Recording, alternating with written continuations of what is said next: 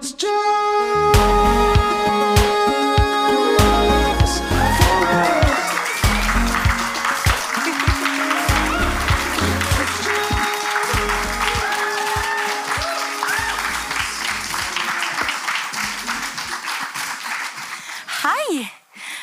velkommen til Det handler ikke om deg, podkasten for deg som tror at løsningen på den mannlige ensomhetsepidemien er å vende tilbake til Romerrikets offentlige fellestoaletter.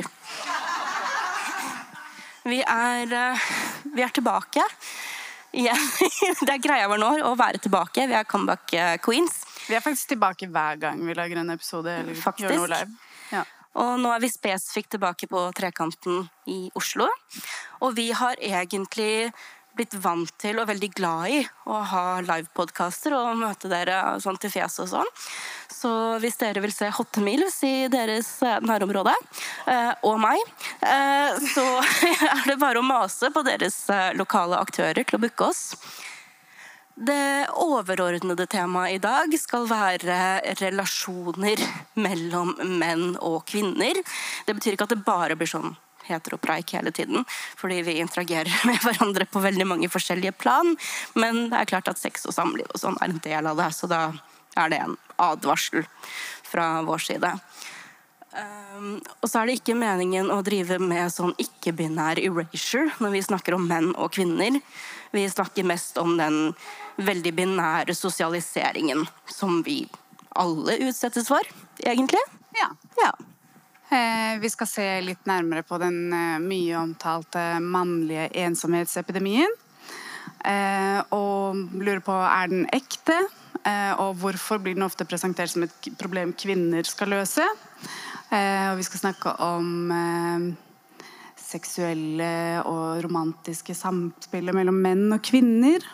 Nå som kvinner, iallfall på papiret, er økonomisk uavhengige. Eh, vi lurer litt på hva har egentlig menn å tilby kvinner, nå som forsørgerrollen har gått ut på dato. Eh, og så kanskje vi deler noen personlige erfaringer underveis. Eh, men aller først så skal vi dele denne sesongens største nyhet, som er at vi offisielt har blitt influensere.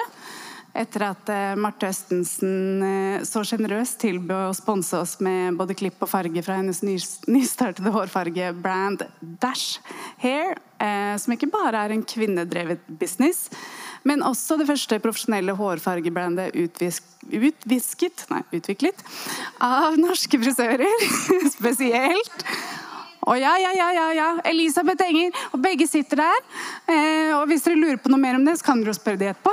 Eh, da. Eh, for Marte og Elisabeth de var lei av at de ikke fikk fargene som de ville ha fra de store internasjonale hårfargeprodusentene, og bestemte seg for å lage sin egen linje med hårfarger. Og et av resultatene ser du her. Og som dere kan se, har jeg ikke rukket å være hos Marte i dag. Så da kan dere ha meg som sånn skrekkeksempel, og så er det Malin som Jeg har sånn fem centimeter med tørrsjampo-grå ettervekst. Før og etter. Men jeg, har fortsatt, jeg var hos Marte i, i juli, og fortsatt sitter fargen min veldig veldig fint. Rød er veldig vanskelig å jobbe med, så, så det er Marte og Elisabeth. Eh, Og. Og tusen takk til dere. Skal vi begynne med det viktigste i verden akkurat nå? Menn. Menn og den mannlige ensomhetsepidemien. Eh, Første spørsmål er den mannlige ensomhetsepidemien ekte. Eh, Det veldig korte svaret er eh, nei. Eh, takk for oss. Vi har hørt aldri om deg. nei, nei, men vi, vi har prøvd også å sette oss genuint litt inn i det, for vi er jo de sinte mannehatte feministene og, og alt sånt. Men vi vil se litt hvor kommer det fra? Og som Malin nevnte innledningsvis, hvorfor er det kvinner som på mange måter forventes å Eller presenteres som det forventes at det er vi som skal fikse det. Og så prøvde vi å se litt på noen tall. Og tall er ikke det mest spennende vi vet om. Vi tror det er det mest spennende enkelte i salen vet om. Eh, Vi kommer til å legge ut lenker selvfølgelig til det vi snakker om, og, statistikker og alt mulig sånn etter hvert. Jeg kan gjøre det. Ok, takk. jeg kan gjøre det. Neida, men, eh, men eh, noe av det første jeg så på, det var en veldig utfyllende artikkel fra SSB som kom i 2021. Og der står det at verken nasjonalt eller internasjonalt så er det noe som egentlig tyder på at det er noe eh, veldig økning i ensomhet hos folk generelt, verken menn eller kvinner. Og så har vi selvfølgelig en eh, pandemi som påvirka det her. Eh, man ser en liten tendens til at unge mennesker er litt mer deprimerte enn før. Nei, ikke deprimerte, ensomme, men det henger sikkert litt sånn. Sa du onde, onde eller Ja, unge? onde, men- onde, onde mennesker eh, er ganske ensomme. Derfor er jeg veldig glad for at dere er her med meg i kveld, sånn at jeg føler litt fellesskap. Eh, nei da, men, men ungdommer, unge mennesker, du, har en liten oppgang, og den begynte også før pandemien, så det er ikke det det, det handler om. Men det er skjermer. Det er, det er sikkert skjermer, og så er det også andre forklaringer. I hvert fall hos unge, kanskje ikke ungdom, men eh, vi, eh, vi er mye mer geografisk mobile. Flere flytter, og så må man bygge opp nettverk helt på nytt. Det er vanskeligere å ivareta de nettverkene man har. Eh, Vi gifter oss senere, bortsett fra barnebruden Malin her, som gifta seg Du var sånn 26 eller noe. Disgusting, men jeg dømmer ikke. Eh, og så, vi jobber mye, vi reiser i forbindelse med jobb. Og nå bare frijazzer jeg her. Jeg har ikke noe sånn jeg, jeg kan ikke si 100% at jeg har backing for det her, men jeg tenker at arbeidsplassen den har jo forandra seg. Og det vil jeg tro at påvirker menn litt disproporsjonalt. For mange menn har hatt arbeidsplassen som primær sosialiseringsarena. Og nå har vi midlertidighet, midlertidighet, midlertidighet. Du rekker ikke å bygge opp samme fellesskap. Og så er også den fysiske arbeidsplassen i endring. At det, det er mer hjemmekontor og sånne ting. Så, så det kan generelt tenkes å påvirke menn. Men det, det, det virker ikke som om det er noen veldig stor forskjell mellom kvinner og menn i hvordan de selv eh, rapporterer å være ensomme eller ikke. Altså, jo mer jeg hører om liksom, mannlige sosialiseringsmønstre og, og, sånn, og hvorfor de er så ensomme, så begynner jeg å lure på om jeg er, egentlig er mann. Så jeg blir liksom transet av å lese om den mannlige ensomhetsepidemien.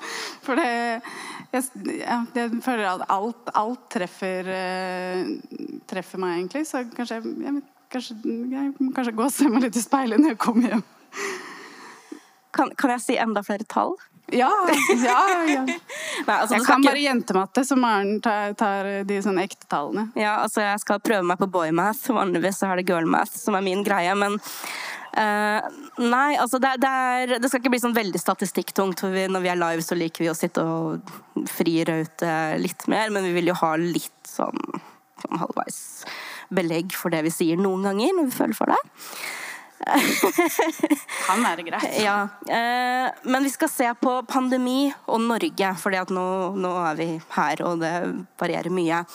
Så i Norge så har tallet på de som melder at de føler seg ensomme, stort sett ligget på sånn mellom 5 og 7 Og i 2020, altså før pandemien, så var det rundt 11 Så det har vært en oppgang, men det har ikke vært noen eksplosjon.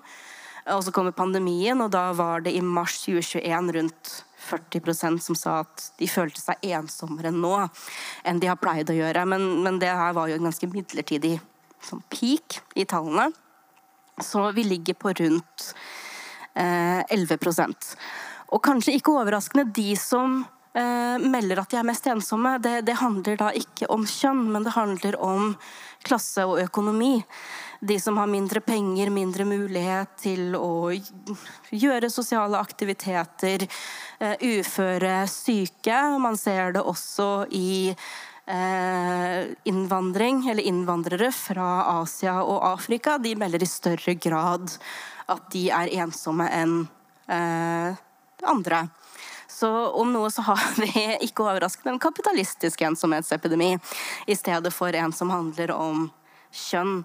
Eh, Og det eneste jeg egentlig kunne finne eh, Det, kan, det, det finnes masse andre tall, men vi skal se på sånn norsk, norsk sammenheng. Så var det en, eh, en ganske forholdsvis liten studie. Det var i Oslo. Hvor de hadde fokusert på tenåringer mellom 13 og 19 år. Fra 2018 til 2020. Og jeg tror at det her har også vært litt slått opp og brukt litt som, som et argument for at ensomhet blant menn er på vei opp. Fordi mellom 2018 og 2020 så var det 7% flere av de guttene som meldte at de var ensomme, mot 3% flere av jentene. Og da kan man jo tenke oi, eh, over dobbelt så mange gutter eh, i forhold til jenter da, melder at de er ensomme nå. Men hvis man ser på de fulle tallene, så har det vært en sånn stigning fra 16-23 hos gutter, men fra 29 til 32% hos jenter. Så det har vært en større stigning hos gutter, men det er fortsatt flere jenter som egentlig meldte at de følte seg ensomme. Men vi vet ikke, noen ganger kan ting spike, tall er vanskelige, jeg kan dem ikke. Eh, Det er fordi vi er mer i kontakt med følelsene våre. vi er mer i kontakt med følelsene våre. Uh, ja, mer i kontakt eh, med, med følelsene våre enn en vi er med tall. Så vi vet ikke hvordan det her kommer til å utvikle seg, men sånn generelt så er det ikke noe belegg for å si at eh, menn er noe mer ensomme enn kvinner. Eh, men første nei, vil du, Unnskyld, jeg, jeg bare babler nå, jeg, så du kan bare slippe. I dag er det solopodkast, jeg er bare gjest, jeg. Kanskje jeg liker tall mye bedre enn jeg egentlig trodde. Kanskje jeg oppdager noe om meg selv. eh, Du også?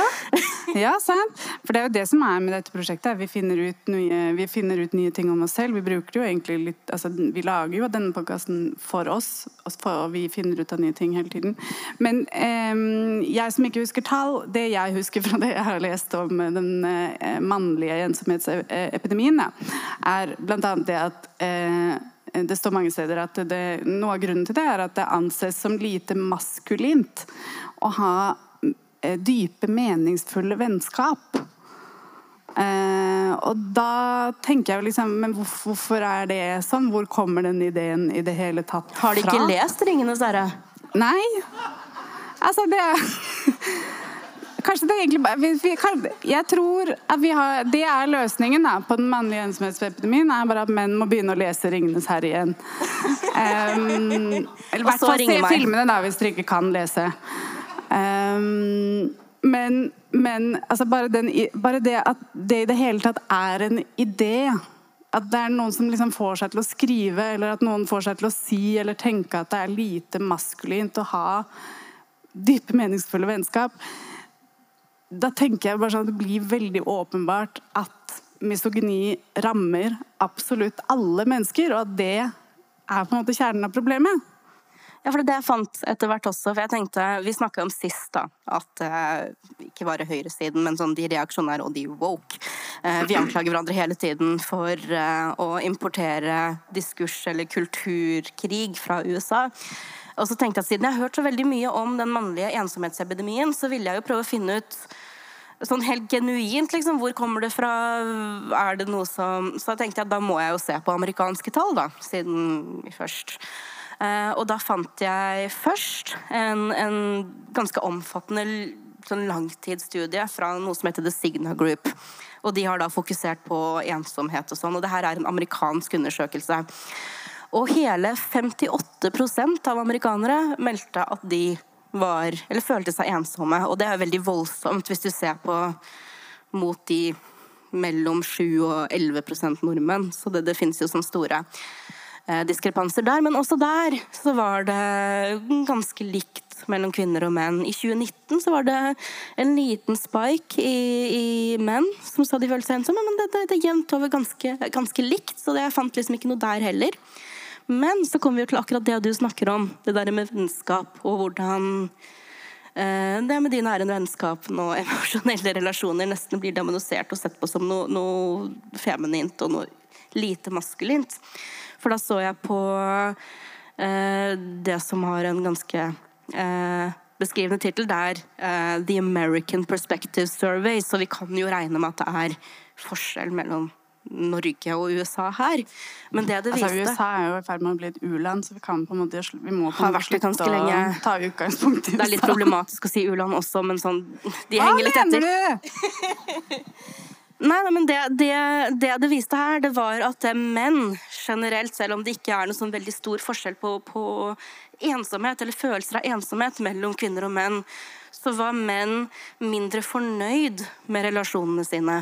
De hadde færre venner, de hadde sjeldnere opplevd å få emosjonell støtte fra venner. Eh, Og menn i større grad enn kvinner hadde foreldrene sine som, som de nærmeste støttespillerne. Og til sammenligning, da, hvis vi ser på ekteskap Jeg tror ikke, jeg tror ikke det var gjort noen for, forskjell mellom likekjønnede ekteskap her og, og uh, heterofile ekteskap. Men 85% av gifte menn hadde sin partner som den første de oppsøker når de har personlige problemer. Mens hos kvinner så var det bare 72% som meldte at deres partner var den første eh, som de oppsøkte. Og ikke veldig overraskende så viste det seg også at menn som fortalte om at de hadde mange kvinnelige venner, de var mye mer fornøyd med vennskapene sine, opplevde oftere at de mottok emosjonell støtte fra vennene sine, hadde oftere fortalt om personlige problemer. Så konklusjonen er jo da at menn har kvinner som emosjonelt støtteapparat. Og når kvinner da blir mer bevisst på det, blir lei av det, trekker seg unna, hva skjer da? Jo, da har vi mannen i krise. Og når mannen da er vant til at kvinnen skal være det emosjonelle støtteapparatet, eh, da forventes jo hvem å skulle løse det problemet? Kvinner. Eh, fuck off. Please, dra til helvete. Uh, det var det forsonende fra meg i kveld. Ja. Nei da, men uh, du skal få lov til å snakke litt du også. Jeg blir bare så gira. ja nei, Jeg men skal si altså- snillere ting også, jeg lover. Hvis du, bare, jeg tenker at den beste løsningen er å bare be alle menn om å dra til helvete, eller? Nei, ikke alle menn. Fordi vi må Ikke alle menn. Nei, nei, men sånn helt, helt, helt på ekte. Nå, nå, nå, skal vi, nå skal vi ta det på alvor. Fordi jeg tenker at jeg er ikke så bekymra for Altså, la oss se på altså, de middelklassemennene som har vokst opp i sånne møblerte Mummidalen-ass SV-hjem. Altså, eller Diod-lyttere, som de heter i Norge. Er sånn, jeg er ikke så bekymra for dem. De snakker med de andre guttene på, på Humanistisk fakultet om følelsene sine, og det, det går kjempebra. Eh, Men vi må tenke på at her er det veldig mange menn som kommer fra andre sosiale og økonomiske bakgrunner, som er vanskeligere. Eh, Forskjellige typer kulturer. Da snakker jeg ikke bare om religion, men det kan være bygdekultur. Hvor det rett og slett er mer stigmatisert å snakke om følelser. De oppfordres til å ikke gjøre det. Eh, De har mistro til systemet med veldig god grunn. Eh, oppsøker ikke hjelp hvis de gjør det. Ikke sikkert de får det. Hvis de får det, ikke sikkert at de er utrusta til å egentlig ta det imot. Så jeg tenker at det er et problem vi faktisk må anerkjenne og se på. For det er sånn Jeg er jo en sånn person som noen vil si er problematisk når jeg er litt sånn OK, hold kjeft og gå i terapi. Du er veldig problematisk, Maren. Det er ikke noe, Du trenger ikke å liksom. Nei, men jeg vet hva mitt publikum er. ikke sant? Jeg tenker at mitt publikum det er folk som er ressurssterke nok til å stort sett holde kjeft og gå i terapi. Og så får de nervesammenbrudd når Folk de må vente. å, folk som Ja. liker å få kjeft. Ja, og så må de vente i to minutter eller to måneder på å få DPS-hjelp, og så er det bare sånn meltdown, for det har de aldri opplevd før. Eh, men det er, en sånn, det det er en del av læringsprosessen, men det er liksom ikke den gruppen menn jeg er mest bekymra for, da, for vi er jo veldig privilegerte i, i hvem vi er og hvem vi kjenner. Så jeg tenker det at uh, det er et reelt problem å ta tak i her, men det er uh, ja. Men det handler jo altså, eh, Ikke for å liksom legge, legge skylda på woke, da, men, men det handler jo mye om at, at det har vært ganske stor, eh, et sånn stort kul- kulturelt skifte i hva vi aksepterer av oppførsel. Um, og at eh, så, altså, Som du sier, man, man, da, og da henger de etter, da. Men, men tidligere så har man jo snakket veldig mye om liksom, at kvinner må liksom, tilpasse seg normen. Hvis ikke så kommer de til å ende opp som de ensomme taperne Med tusen katter. Ja. Eh, mens nå som det liksom er et slags etablert faktum, da, at menn er liksom samfunnstapere, så er det på en måte kvinner som skal fikse det også. Eh, det er veldig interessant at vi liksom vokser opp i en sånn hyperindividualistisk kultur. Samtidig så skal liksom Det er liksom kvinner som må tilpasse seg hele tiden. Kvinner må på en måte ta støyten, da, ta børn. Og det kommer jo fra noen veldig, veldig gamle ideer om eh, hva kvinners rolle i samfunnet er. Og at kvinner har på en måte sånn naturlig omsorgsinstinkt. Og at eh, og den, de ideene kommer fra 1700-tallet. Jeg satt og prøvde å formulere et eller annet om dette i går. Eh, og så bladde jeg opp i eh, den siste boken til Madeleine Schultz, som heter 'Verden brenner, og vi skriver om våre barn'. Eh, og etter tre sider eller noe sånt, så, hun allerede, så satte hun ord på alt det som jeg hadde på en måte prøvd å, prøvd å bruke den dumme hjernen min til å tenke på i går. Eh, og hun forteller liksom at den ideen om eh, dette naturlige morsinstinktet, det stammer fra 1700-tallet. Eh, da eh, Hva het han filosofen igjen? Rousseau. Eh, som skrev om at eh, liksom det aller liksom, viktigste for mennesket, eller for vår oppdragelse, det er liksom mødrenes liksom eh, det, er vår, det er vår første utdanning, og, og det er de som har på en måte ansvar for vårt levevis. Så alt blir liksom lagt på mødrene. Og samme, på samme tid så fikk man også for første gang liksom den frykten for eh, noe som vi hører om hele tiden nå, altså at befolkningsveksten er for lav. Og Det er også mødrene sitt ansvar. Bortsett fra når den er for høy, som er når man er rasist. Hva sa du nå? Ja, for, hvis, du, hvis du er rasist, så er befolkningsveksten for høy, og vi må legge, legge litt uh, lokk på det. Ja. Men ellers så er den for lav, og da er det kvinner som er problemet. Som uh, Asle Toje sier så veldig fint. uh, vi har det altfor bra, så vi tar abort og gidder ikke å føde unger. Og det er jo fordi vi har det så jævlig bra at vi tar abort. Jo, men tingen er at De tallene jeg så på fra SSB, de viser jo at det foreldre generelt er mer ensomme enn folk som ikke har barn. Og Ja. Det kommer vi tilbake til. Men, men, men ja, kanskje altså, Tenk om det er sånn at kvinner faktisk ikke prioriterer heterofilt samliv og, og barn generelt, når vi, når Ja. vi har det ganske Ja, chill. Gud, Gud forby at kvinner har hobbyer, liksom.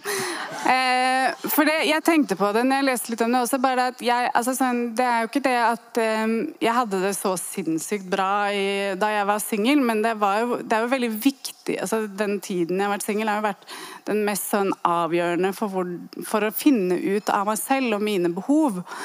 Og, eh, og det er jo på en måte det de ikke vil at vi skal gjøre. Da. Fordi vi skal liksom ikke ha noen egne behov. Vi skal på en måte bare ha et behov for å være der for andre. Og hvis ikke vi gjør det, så, så er på en måte vår, eh, vår eh, rolle Da blir vi, da blir liksom skumle da, og truende og farlige, og vi ødelegger samfunnet. Så basically så er Rousseau den første liksom, manusfære-podkasteren. Så, nei, men, nei, men det, er, det er jo ganske forståelig, for det, som jeg sa, så er det jo et, et system eller et samfunn som nærmest fraråder menn å ha kontakt med følelsene sine, uttrykke følelser, med mindre det er sinne, som ikke helt telles som en følelse, fordi Sånn er det. Uh, og de får ikke hjelp hvis de først prøver å oppsøke hjelp. Det er jo klart at det du Det er lettere for deg å søke deg til sånne, sånne manosfære-grifters. Enten du er en sånn Jordan Peterson-type, eller om du er en mer ekstrem Andrew Tate-type. For de forteller deg ting som er veldig mye enklere å forholde deg til. Ting som resonnerer mer med der du er akkurat nå. eh, og du Før frontallappen har vokst på plass. ja, ja, ikke sant? Det er ikke det at du må jobbe med deg selv. Det handler om at feminismen har frarøva deg flere generasjoner med knullemammaer. Og da ja, men jeg, jeg, jeg, jeg, sånn, jeg er liksom der hvor jeg både kan sympatisere, samtidig som det er veldig viktig at vi kan ikke infantilisere det med å si kun 'stakkars deg', og, og, og 'her må du ammes', og liksom, eh, sånn som klemmes, men samtidig som at det er en genuin utfordring. Da, fordi at eh, når du, når du kommer der som mann og oppfører deg akkurat som du har blitt sosialisert til å oppføre deg, akkurat som du har blitt oppmuntra til å opp, eh, oppføre deg jeg, jeg tenker bare at det, vi har ikke klart å holde tritt med den for Vi snakker jo litt om sånn eh, kvinnelig økonomisk løsrivelse og sånn. Og rent juridisk så har vi hatt mulighet til det ganske lenge, men det er ikke før vår bestemor og, og mødregenerasjon at kvinner faktisk har vært veldig jevnt ute i arbeidslivet. Eh, Så vi har en sosial endring der, samtidig som vi sosialiseres inn i de kjønnsrollemønstrene som vi hadde før. eh, kvinner gjorde det. At det, det, det handler om at menn skal ha, innta den derre forsørgerrollen, de skal være de praktiske. Og så kommer de ut i et voksenliv hvor eh, kvinner ikke vil ha det. Selvfølgelig blir man frustrert. Det, det er ikke vanskelig å forstå det. Men, eh, men Nei, jeg, når det er mye snakk om og diskusjon om menn som et problem, da, som, man, som man jo kan anerkjenne at det er, så er det ikke noe rart. Altså, det er helt naturlig at menn føler at deres posisjon på en måte i samfunnet er under angrep. Da.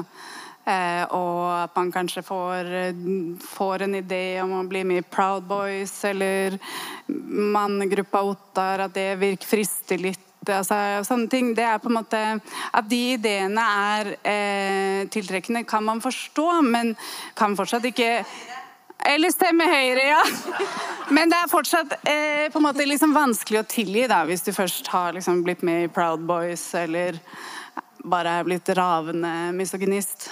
Nei, men Som du sa i, i forrige episode òg, når vi snakka om det med, med, omsorg og empati og sånne ting, at det omsorg blir malt som noe som er ikke kult, det er feminint og sånne ting. Man prøver å, å styre menn vekk fra det. Det er ikke rart at de begynner å stemme Høyre. Omsorg er politisk korrekt og woke, så det vil vi ikke ha. Jeg, har ikke, jeg er veldig sånn bastant i de påstandene her. Jeg har ikke en sånn løsning på hvordan man faktisk skal få bukt med det når det gjelder de mennene som er mest utsatt og har størst problemer. Men jeg sa jo tidligere at når jeg er sånn hold kjeft og gå i terapi, så er det fordi jeg vet at mitt publikum, da. Det er de som i størst grad kan gjøre det. Så jeg tenker om vi kan begynne med at alle, alle, dere SV-guttene kan begynne å snakke med andre menn. Eh, og, og oppfordre og oppmuntre til eh, å være i kontakt med, med følelsene sine. Det blir veldig bruk... sånn verdensdagen for psykisk helse. Ja. Kan dere være så snill å ringe en venn? Jo, men altså bruk liksom omtrent samme energi på det som dere ellers bruker på å mansplaine Adorno til meg på bar. Så kommer vi til å komme, komme veldig langt bare med det. Det hjelper ikke systemisk, da. Det her er bare en sånn, et sånt sted man kan, eh, kan begynne. Nei, men det, det er liksom vanskelig, at eh, Det er jo ikke det at vi ikke bryr oss om de utfordringene, men jeg tenker at når vi skal eh, først snakke om dem, så handler det sjelden om at noen tar opp disse temaene sånn uavhengig av noe annet. Det handler mer om at hvis vi snakker om feminisme, hvis vi snakker om kvinners utfordringer, så er det noen som skyter inn fra avsporet. Vi, vi, vi har sjelden en, en samtale om menns utfordringer på sånn egen som, Jeg vet ikke, jeg har ikke ordet for akkurat det jeg skal prøve å si. Eh, Men sånn på, på egne meritter, eh, mer eller mindre. Og hvis vi først skal ha det, så blir det fort den greia som du sier, at det, det skal være det er, kvinnene som har feila, altså mødrene, som jo åpenbart alle er. Vi er verdens mødre. Eh, alle sammen har feila. Og da, da, da gidder jeg ikke. Og det er ikke fordi jeg ikke bryr meg, fordi selv om jeg skal bare være rent egoistisk, så er jo vi alle, enten vi er kvinner, ikke-binære menn, vi interagerer jo med menn, og som samfunn så har vi jo nytte, alle sammen, av at menn har det bedre. Men hvis vi kunne da hatt den samtalen på det premisset, uten at eh, Ja, damer, hva har dere tenkt til å gjøre med det her, da? Det, det, det å liksom ha likelønn og barselsomsorg og sånn, det hjelper ikke akkurat oss. Det Ja, nå er vi undertrykket, så hva, hva skal vi gjøre nå? Eh, Men jeg ser at eh, nå er klokka så mye. Vi skal ta en liten pause, og så kan alle som har lyst til det, kjøpe seg eh, øl i baren. Ja. Vi skal kjøpe øl. Altså, jeg, vet ikke hvor øl eh, Vi trenger faktisk ikke øl, vi, da. Nei. Men eh, hvis noen har lyst til å spandere øl på oss, så drikker vi. Ja, ikke klarer vi å Altså, drikke to når den her er tom, så eh, trenger jeg en til. Så... Og når vi er tilbake, så skal vi snakke om hva menn egentlig har å tilby kvinner, nå som vi er økonomisk uavhengige. Eh, svaret vil sjokkere deg.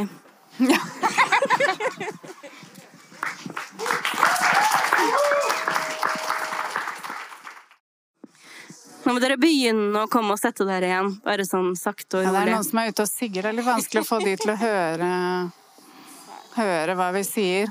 I mellomtiden da, så hadde vi jo egentlig trengt, nei, trengt, eh, tenkt å være veldig funny. Prøve å få en kommentar fra Sindre Finnes vedrørende hva menn har å tilby kvinner, nå som kvinner er økonomisk eh, uavhengige. Eh, Men eh, mens dere setter dere, så kan dere få høre hva vi eh, mottok i stedet. Å, Erna, Du kom og du viste med stjerna. Men så fikk jeg oss alle fjerna fra maktposisjoner du verna. Og mitt hjerte er skjortet erna. Det fins ingen andre konserner enn ditt hjerte som jeg blir gæren av. Åh. Gi meg en sjanse til. Jeg skal aldri handle aksjer igjen, jeg lover. Aldri handle de flotte, velformede, deilige aksjene igjen. Oh lord, I'm back on my bullshit! I'm back on my bullshit! Velkommen tilbake.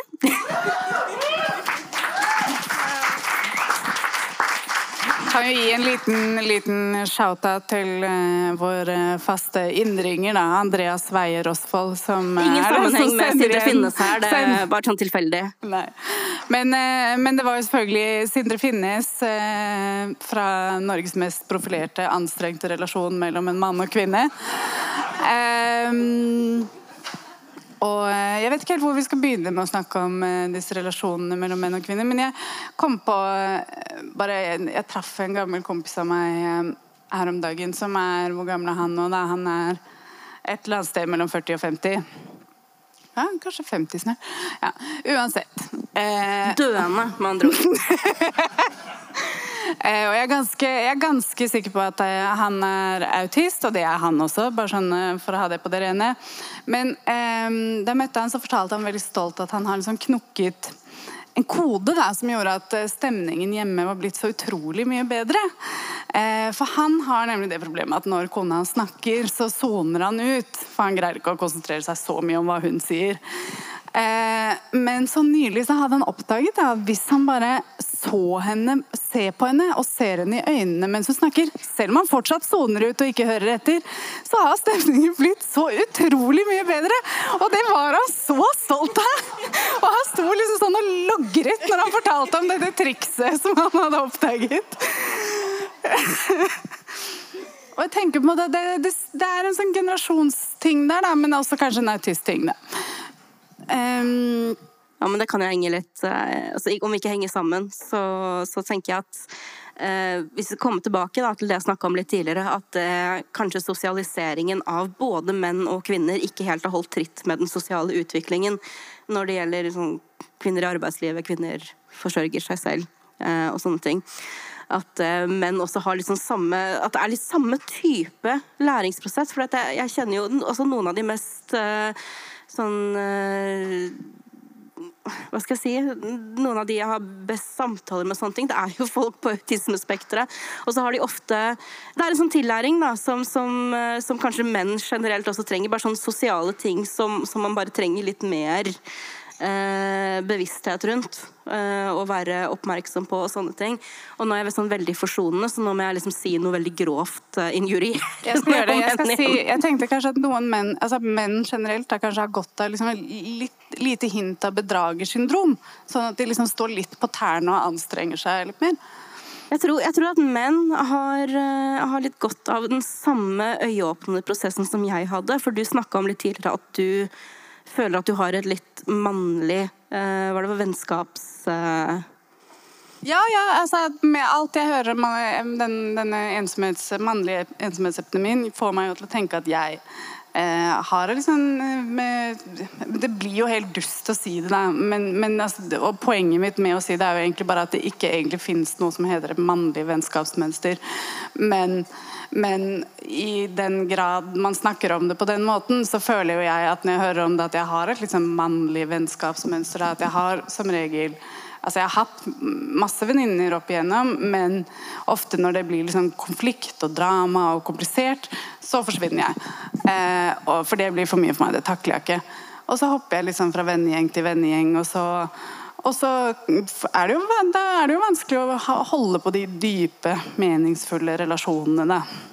Nei, det, er, det løsner litt for meg også. Jeg tror vi snakka så vidt om det da vi hadde livepod i Bergen i fjor. Eh, men jeg er på mange måter jeg anser meg selv for å, å være litt mannlig sosialisert. Jeg har jo bodd veldig mye alene med en alenefar. Mitt eneste søsken er en bror.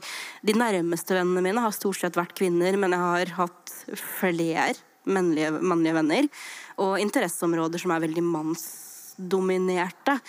Eh, Og kvinner lærer jo fra en tidlig alder å om ikke hate andre kvinner på individnivå, så iallfall ha den derre eh, altså, Kvinnelighet er noe å forakte, også deg selv på mange måter. Og den beste kuren for det for, for min del, det har jo bare det har vært eh, eksponeringsterapi.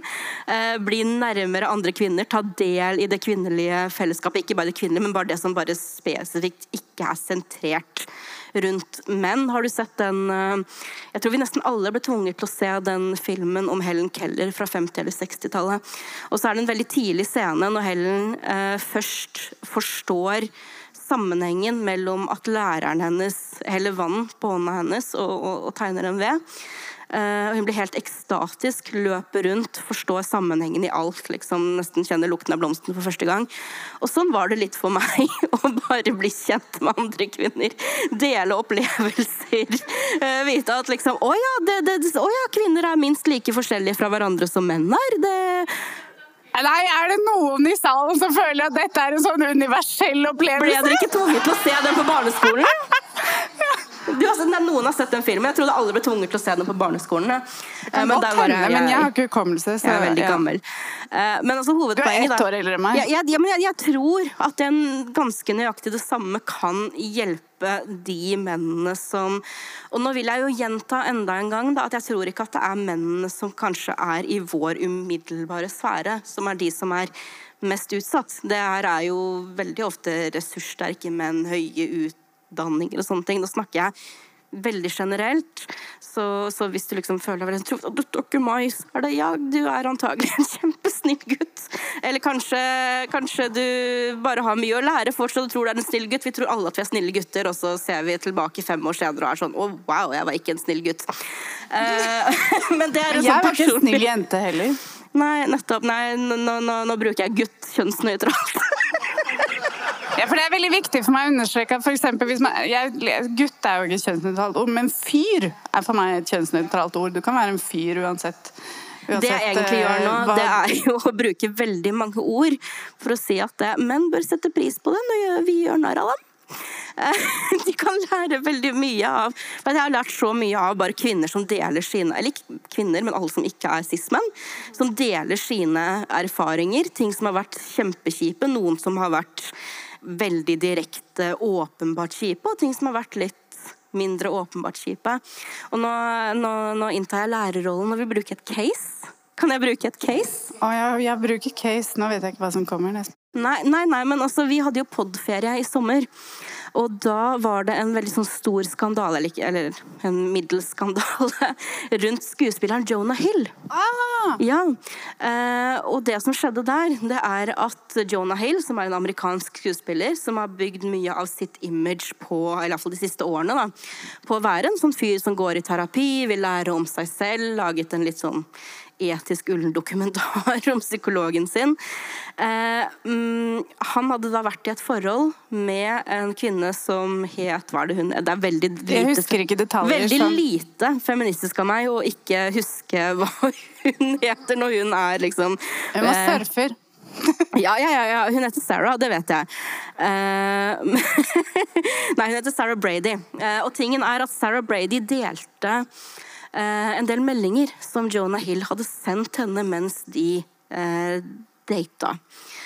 Og det det sto i de meldingene Han brukte et veldig sånn diplomatisk, nesten sånn terapeutisk språk, men han skrev at hvis de skulle være sammen, så hadde han enkelte betingelser, enkelte grenser han satt eh, i, i deres forhold. Eh, blant dem så var at eh, han ikke ville hun skulle surfe med andre menn. Ingen eufemisme, bokstavelig talt. Eh, hun skulle da ikke posere lettkledd på bilder på Instagram, bruke bikini eh, eller være seksualisert. Og hun skulle heller ikke pleie vennskapsforhold med kvinner som han anså for å være ustabile. Grenseløse vennskap. Grenseløse Ingen, vennskap. det var ingen grenseløse vennskap med menn heller. Ingen grenseløse vennskap med menn. Og her hører det til historien at Sarah Brady hun er profesjonell surfer. De møttes mens de begge surfa. Og jeg tenker at I utgangspunktet så er det ikke nødvendigvis noe galt å ville ha en partner med et litt mer konservativt verdisyn, men her har du da en mann som aktivt oppsøker og innleder et forhold med en profesjonell surfer, hvorpå han begynner å sende henne meldinger om at hvis vi skal ha et forhold, så må du gjøre sånn, du må gjøre sånn, du må gjøre sånn. Og det er ikke sånne outrageous ting. Det, det handler ikke om at det Nei, du, jeg vil ikke at du skal gifte deg med andre mens vi, mens vi dater. Det er veldig sånn inngripende ting. Men han skriver det på en veldig diplomatisk måte, hvor han også skriver at Og hvis dette ikke er ok for deg, så ønsker jeg deg lykke til eh, videre og altså, Så det, er, det, er, det er greit for meg. Dette er bare grenser som jeg setter i mitt forhold. Og på utsiden for mange så virker jo det som Jo, men er ikke det greit, da? Han setter noen grenser, og så sier han at eh, hvis, hvis hun ikke vil eh, innfinne seg med det, så kan hun bevege seg videre. Men Det er et veldig kjent mønster, da. Eh, og noe som jeg kjenner fra eh, Heldigvis ikke fra mine egne forhold, men som jeg kjenner fra veldig mange av mine venninners relasjoner. Hvor de eh, har eh, Altså alle de tingene som gjør at hun er tiltrekkende for han i utgangspunktet, plutselig blir et problem når de er i et seriøst forhold. De snakker jo om det nå. Nå skal ikke vi være Vi skal ikke konkurrere med Gisle Agledal sin trash-podkast om eh, sånn kjendiskultur. Men vi ser det samme med Joe Jonas og Jeg har Sophie ikke hørt om den podkasten engang. Å ja, nei. Jeg tror det vil. Nei, men uansett, da, der har du en mann som oppsøker en kvinne som, som eh, oppfattes som hun er veldig kul, og hun er, om ikke utagerende, så er hun i hvert fall veldig sosial. Hun liker å feste, og så innleder de et forhold, og så blir hun den kule. og så er liksom De tingene som tiltrakk ham i utgangspunktet, blir da et problem. Eh, men så er det da veldig mange som tar nærmest parti med Jonah Hill og bare tenker ja, men denne kvinnen, hvorfor utleverer hun Ja. deres personlige business når hun i virkeligheten har starta en veldig viktig samtale hvor veldig mange, både de som utsettes for kontrollerende oppførsel som ikke er veldig åpenbar Det er ikke fysisk vold, det er ikke de tingene som, som vi alle til syvende og sist mer eller mindre har lært at det er ikke ok. Ikke, altså, eh, hvor folk som er i lignende situasjoner, uavhengig av deres kjønn, kan kjenne seg igjen. Oi, dette gjør min partner. Eller eventuelt dette gjør jeg mot min partner, men jeg har trodd at det har vært ok. Så hun starter da en veldig viktig samtale. Og mange menn føler seg angrepet, eller litt sånn at ja, men er ikke, finnes det ingen privat sfære lenger? Men jeg tror at det, på samme måte som at den typen samtaler har forma mitt bilde av verden, og hvordan eh, hvordan vi interagerer med hverandre, så tror jeg også at det kan være med å lære menn veldig mye. Sånne ting som de av eh, mange forskjellige grunner da, ikke oppfatter som kjip oppførsel, kontrollerende oppførsel, likevel er det. At det så, så det jeg sier med veldig mange ord, er at vi må gjøre narr av menns oppførsel. Sånn at de lærer seg å oppføre seg. Hvor mange ganger skal du si det med veldig mange ord i løpet av eh, de neste 20 minuttene? Eh, like mange ord som jeg har drukket øl i kveld, Malin. Ja, Uansett. Men eh, Jonah Hill er jo et veldig godt eksempel på eh, at terapi ikke alltid har den effekten eh, som eh, man håper, da. Eh, og, og det må ikke være sånn at han er liksom, psykopat eller narsissist. Det kan også bare være at han er en veldig rik skuespiller som kan betale terapeuten sin godt for å få den bekreftelsen han vil ha, heller enn den, å fylle på den verktøykassa som han trenger å jobbe med. Eh, Og det gjør kvinner også. ja, for det er veldig klassisk at terapispråk blir misbrukt på den måten. Og jeg ser veldig mange eksempler på det i, i eh, min uh, internetthverdag. Eh, heldigvis ikke, ikke så ofte i mine nære relasjoner. Men uh, både kvinner og menn misbruker det språket og den, den måten å snakke om grensesetting på, og, eh, og hvordan man også liksom, bare diagnoserer alle man ikke liker med en eller annen diagnose, sånn som jeg akkurat eh, kanskje hintet om eh, med Jonah Hill. Men og, men, men det han gjør, er veldig destruktivt. Selv om det på en måte kan virke som en sånn ting som er sånn unødvendig å lufte for offentligheten Jeg forstår veldig godt det instinktet. Er, man, vi blir jo liksom lei av at veldig personlige ting skal uh, diskuteres av alle og enhver hele tiden. Jeg har på en måte oversikt over hvordan den dynamikken kan være, men det er veldig mange som kanskje kan ha behov for å rett og slett se og lese reaksjonene på de tingene Jonah Hill skrev, da, for å forstå at oh shit, det her er kanskje ikke så greit for meg heller. Jeg så ikke at jeg skal sitte her og bare snakke om hvilke TikToks jeg har sett, men, eh, men vi, eh, vi snakker om hvordan kvinner har jo kanskje Vi har ikke hatt like mange våpen, kanskje historisk sett, å bruke i våre relasjoner. Så det å bruke den typen sånn eh, terapeutisk språk har vært en ting som vi nesten har hatt litt monopol på. Jeg bare så en veldig morsom Nei, vårt våpen er sex. Ja, sex og, sex og terapi. jeg, jeg, jeg så bare at noen sammenligna det at nå også er det mange menn som, som har begynt å gå i terapi, og i stedet for å bruke det de lærer som verktøy på å bedre seg selv og sine relasjoner, så bruker de det for å manipulere folk. Eh, og det var noen som liksom sammenlignet det med den scenen i Jurassic Park hvor noen er sånn The raptors know how to open doors. Sånn de har lært seg å åpne dører. Sånn, dette er vår greie.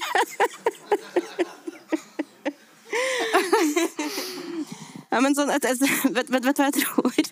Nå skal jeg, eh, nå skal jeg begynne å bli der hvor jeg er liksom sånn ekstra full og rørete. Vet du hva jeg tror Ja. jeg vi må gjøre? Ja. Eh, Jeg tror Jeg håper. Jeg vet det. dette, dette er litt sånn, sånn, sånn heterosentrert igjen. Eh, Men jeg tror at det, vi, må, vi må rett og slett frata menn datingapper og hookup-kultur til de har lært seg å oppføre seg. For det er, sånn, det er jo mange av oss også som, som setter pris på Uh, casual dating, ting som ikke er veldig forpliktende og sånne ting. Men jeg tror det er en ting vi kanskje må ofre til de har eh, Det er greit for meg. Ja, men du er gift. Men, eh, men apropos den hookup-kulturen, altså noe jeg har tenkt ganske mye på, er, eh, er hvor, hvor mye The Game har ødelagt for oss som mennesker. Særlig altså oss, eh, vi i dette rommet, som jeg antar at de fleste hadde på en måte våre formative år på tidlig 2000-tall eh, og fram til nå. Og eh, bare alt alt, alt det fæle som har liksom kommet ut av The Game. Det er veldig mange som leser The Game, som har blitt og tullet med det i i Bare ungdommen. oppsummere veldig kort hva The Game egentlig er. Bare at vi har jo eh, folk som er født eh, i eh, et eh, mer nærliggende årtusen enn Ja. oss. The Game ble jo da solgt inn som en slags sånn sjekkemanual. da.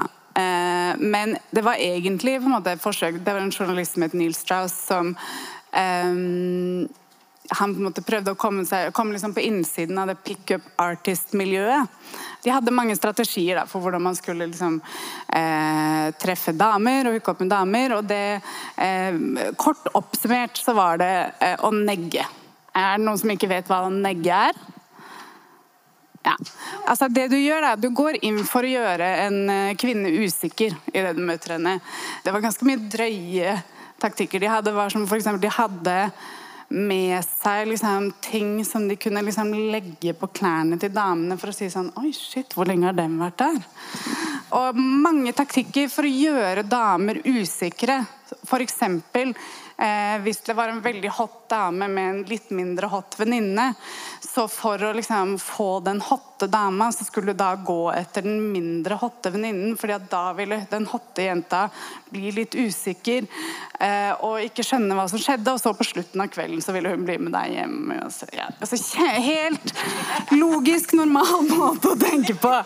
Det som er liksom litt funny med den boken, er at den ble liksom solgt inn og, eh, som en sånn sjekkemanual, men så er det egentlig en historie om eh, om ganske sånn fucka folk. Da. Det er en karakter i den boken som heter Mystery. Eh, som er liksom en Hvorfor sånn vet du så mye om det her? Nå blir jeg litt sånn satt ut. ja, nei, altså, jeg er jo um, Jeg har én taktikk i livet, og det er å negge. eh, men denne Mystery, da, han, er, måte, han sliter veldig. Eh, og han, eh, han er på en måte åpenbart psykisk syk, og han har flere sammenbrudd i løpet av boken. Og eh, i slutten av boken så eh, får han liksom et sånn skikkelig sammenbrudd. Han begynner å bli skikkelig gal, og han sier at han skal Jeg husker ikke om det var han skulle hjem til Canada, eller hvor det var han skulle, men han skulle i hvert fall finne to bifile damer, og skulle han begynne å pimpe de ut. Og det var liksom det han ville. Og så heldigvis, før han kom så langt, så, så gikk det skikkelig galt med han. Så han fikk ikke gjort det. Men, eh, Og det burde jo egentlig Egentlig så er den boka en sånn historie til skrekk og advarsel, men så er det liksom sånn at eh, etterpå da, så publiserte de en ny versjon av boken som bare var 'The Rules of the Game', uten den historien. Og det er jo egentlig det folk husker. Eh, Så det er sjekkemanualen. da.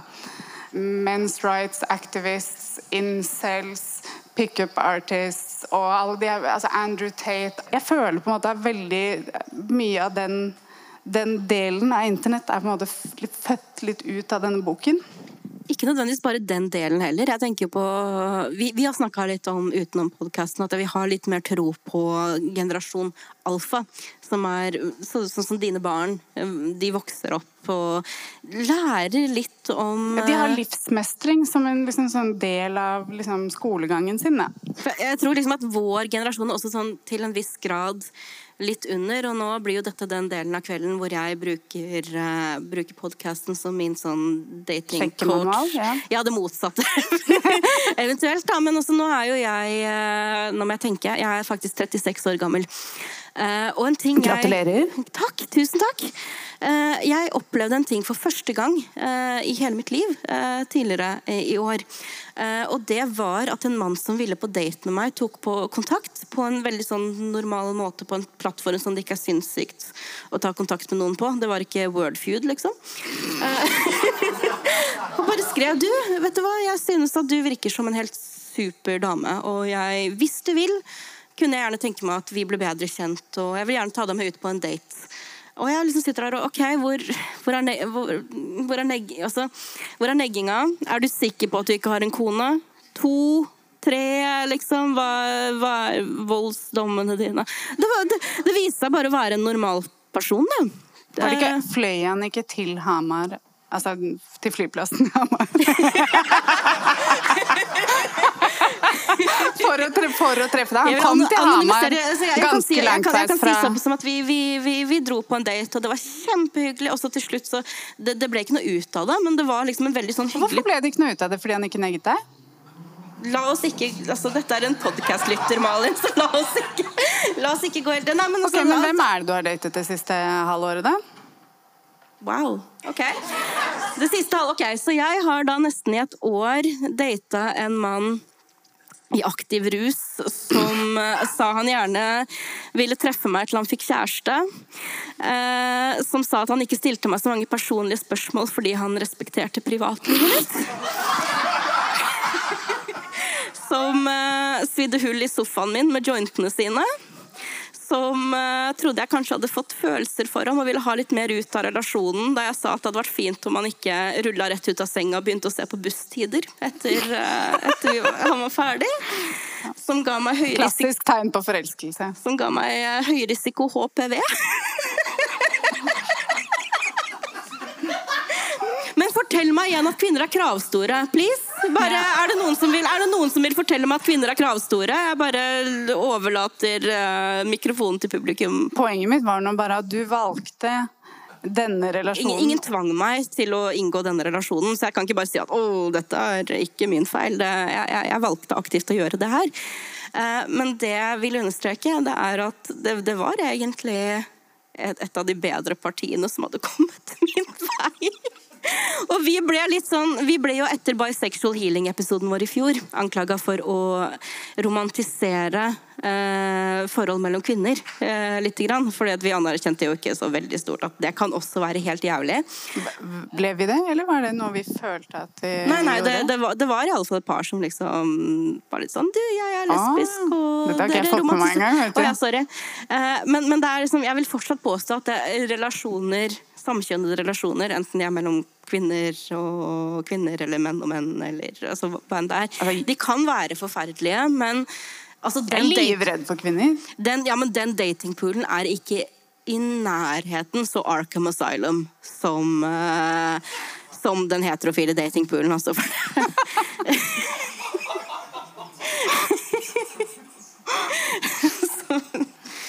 Case in point tidligere, altså denne personen jeg fortalte om, er jo egentlig en av de mest pålitelige, stabile mennene jeg, jeg har støtt på.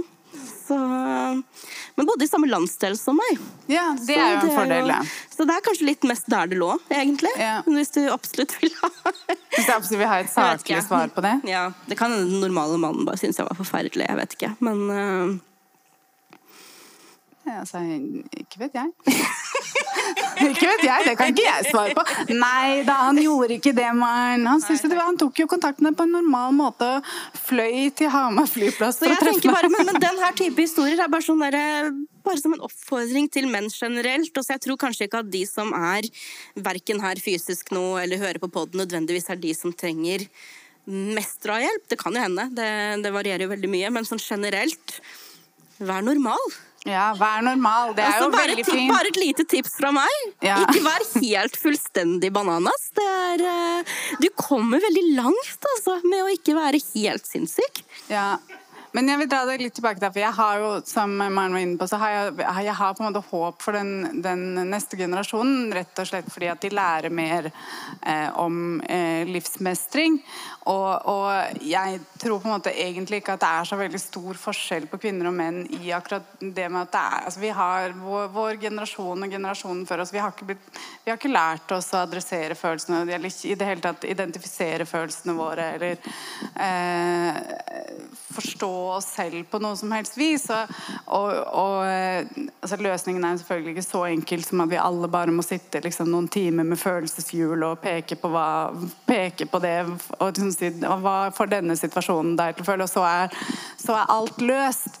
Men, eh, men jeg, jeg tror på en måte at jo mer vi snakker om det, jo bedre blir det. Eh, eh, til en viss grad, hvis ikke vi blir som Jonah Hill.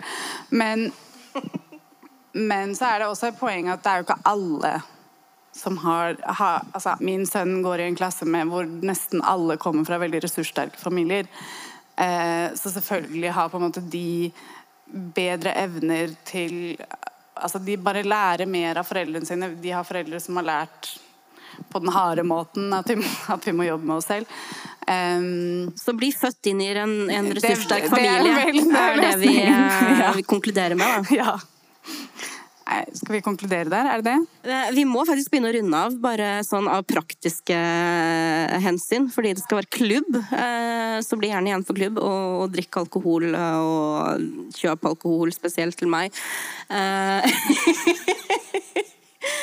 Men jeg vet ikke. Jeg, jeg tenkte Jeg har litt lyst til å jeg, jeg skal ikke, Hvis du har mer på hjertet, eh, så skal jeg ta hensyn til det. Men jeg, vil, jeg tenkte sånn avslutningsmessig at jeg vil vri det litt om. fordi nå begynte vi å snakke om den mannlige ensomhetsepidemien. Eh, Men hva med den kvinnelige ensomhetsepidemien? Fordi at De tallene vi så på, viste at selv om det er ganske jevnt mellom menn og kvinner som, eh, og det er både den norske forskningen og den internasjonale forskningen som, som jeg så, så er det fortsatt sånn litt flere kvinner som sier at de er ensomme. Samtidig så, så sier jo kvinner at de er mer fornøyd med sine vennskap og relasjoner generelt enn menn er. Så hvorfor er det sånn at kvinner likevel er mer ensomme? Altså ikke sånn veldig mye mer ensomme, men litt mer. Nei, altså Hvis vi får ansvaret for eh, Jeg fant et sitat, jeg skal bare lese et sitat. bare sånn, eh, Dette er et sitat fra Rousseau, som jeg nevnte tidligere. Å oppdra menn når de er små, og pleie dem når de er blitt voksne, og råde dem og trøste dem. Dette har vært kvinnenes plikt i alle tider. Og så er det et viktig poeng at kjernefamilien er ikke et veldig bærekraftig konsept. Det er veldig isolerende. Jeg lever i en kjernefamilie selv, og jeg prøver jo på en måte å bryte ut av å, ha litt venner og sånn, men, men i et samfunn der begge foreldre må jobbe fulltid, eh, og så skal man ta seg av barna sine. Så det er et veldig isolerende konsept. Da. Det er vanskelig for både fedre og mødre å i det hele tatt ha energi til å opprettholde noe som helst vennskap utenom det de har med hverandre og barna sine. Da. Det er veldig fint at du sier det, for det er min teori, og det er jo bare en teori. Jeg kan ikke si at å, dette stemmer.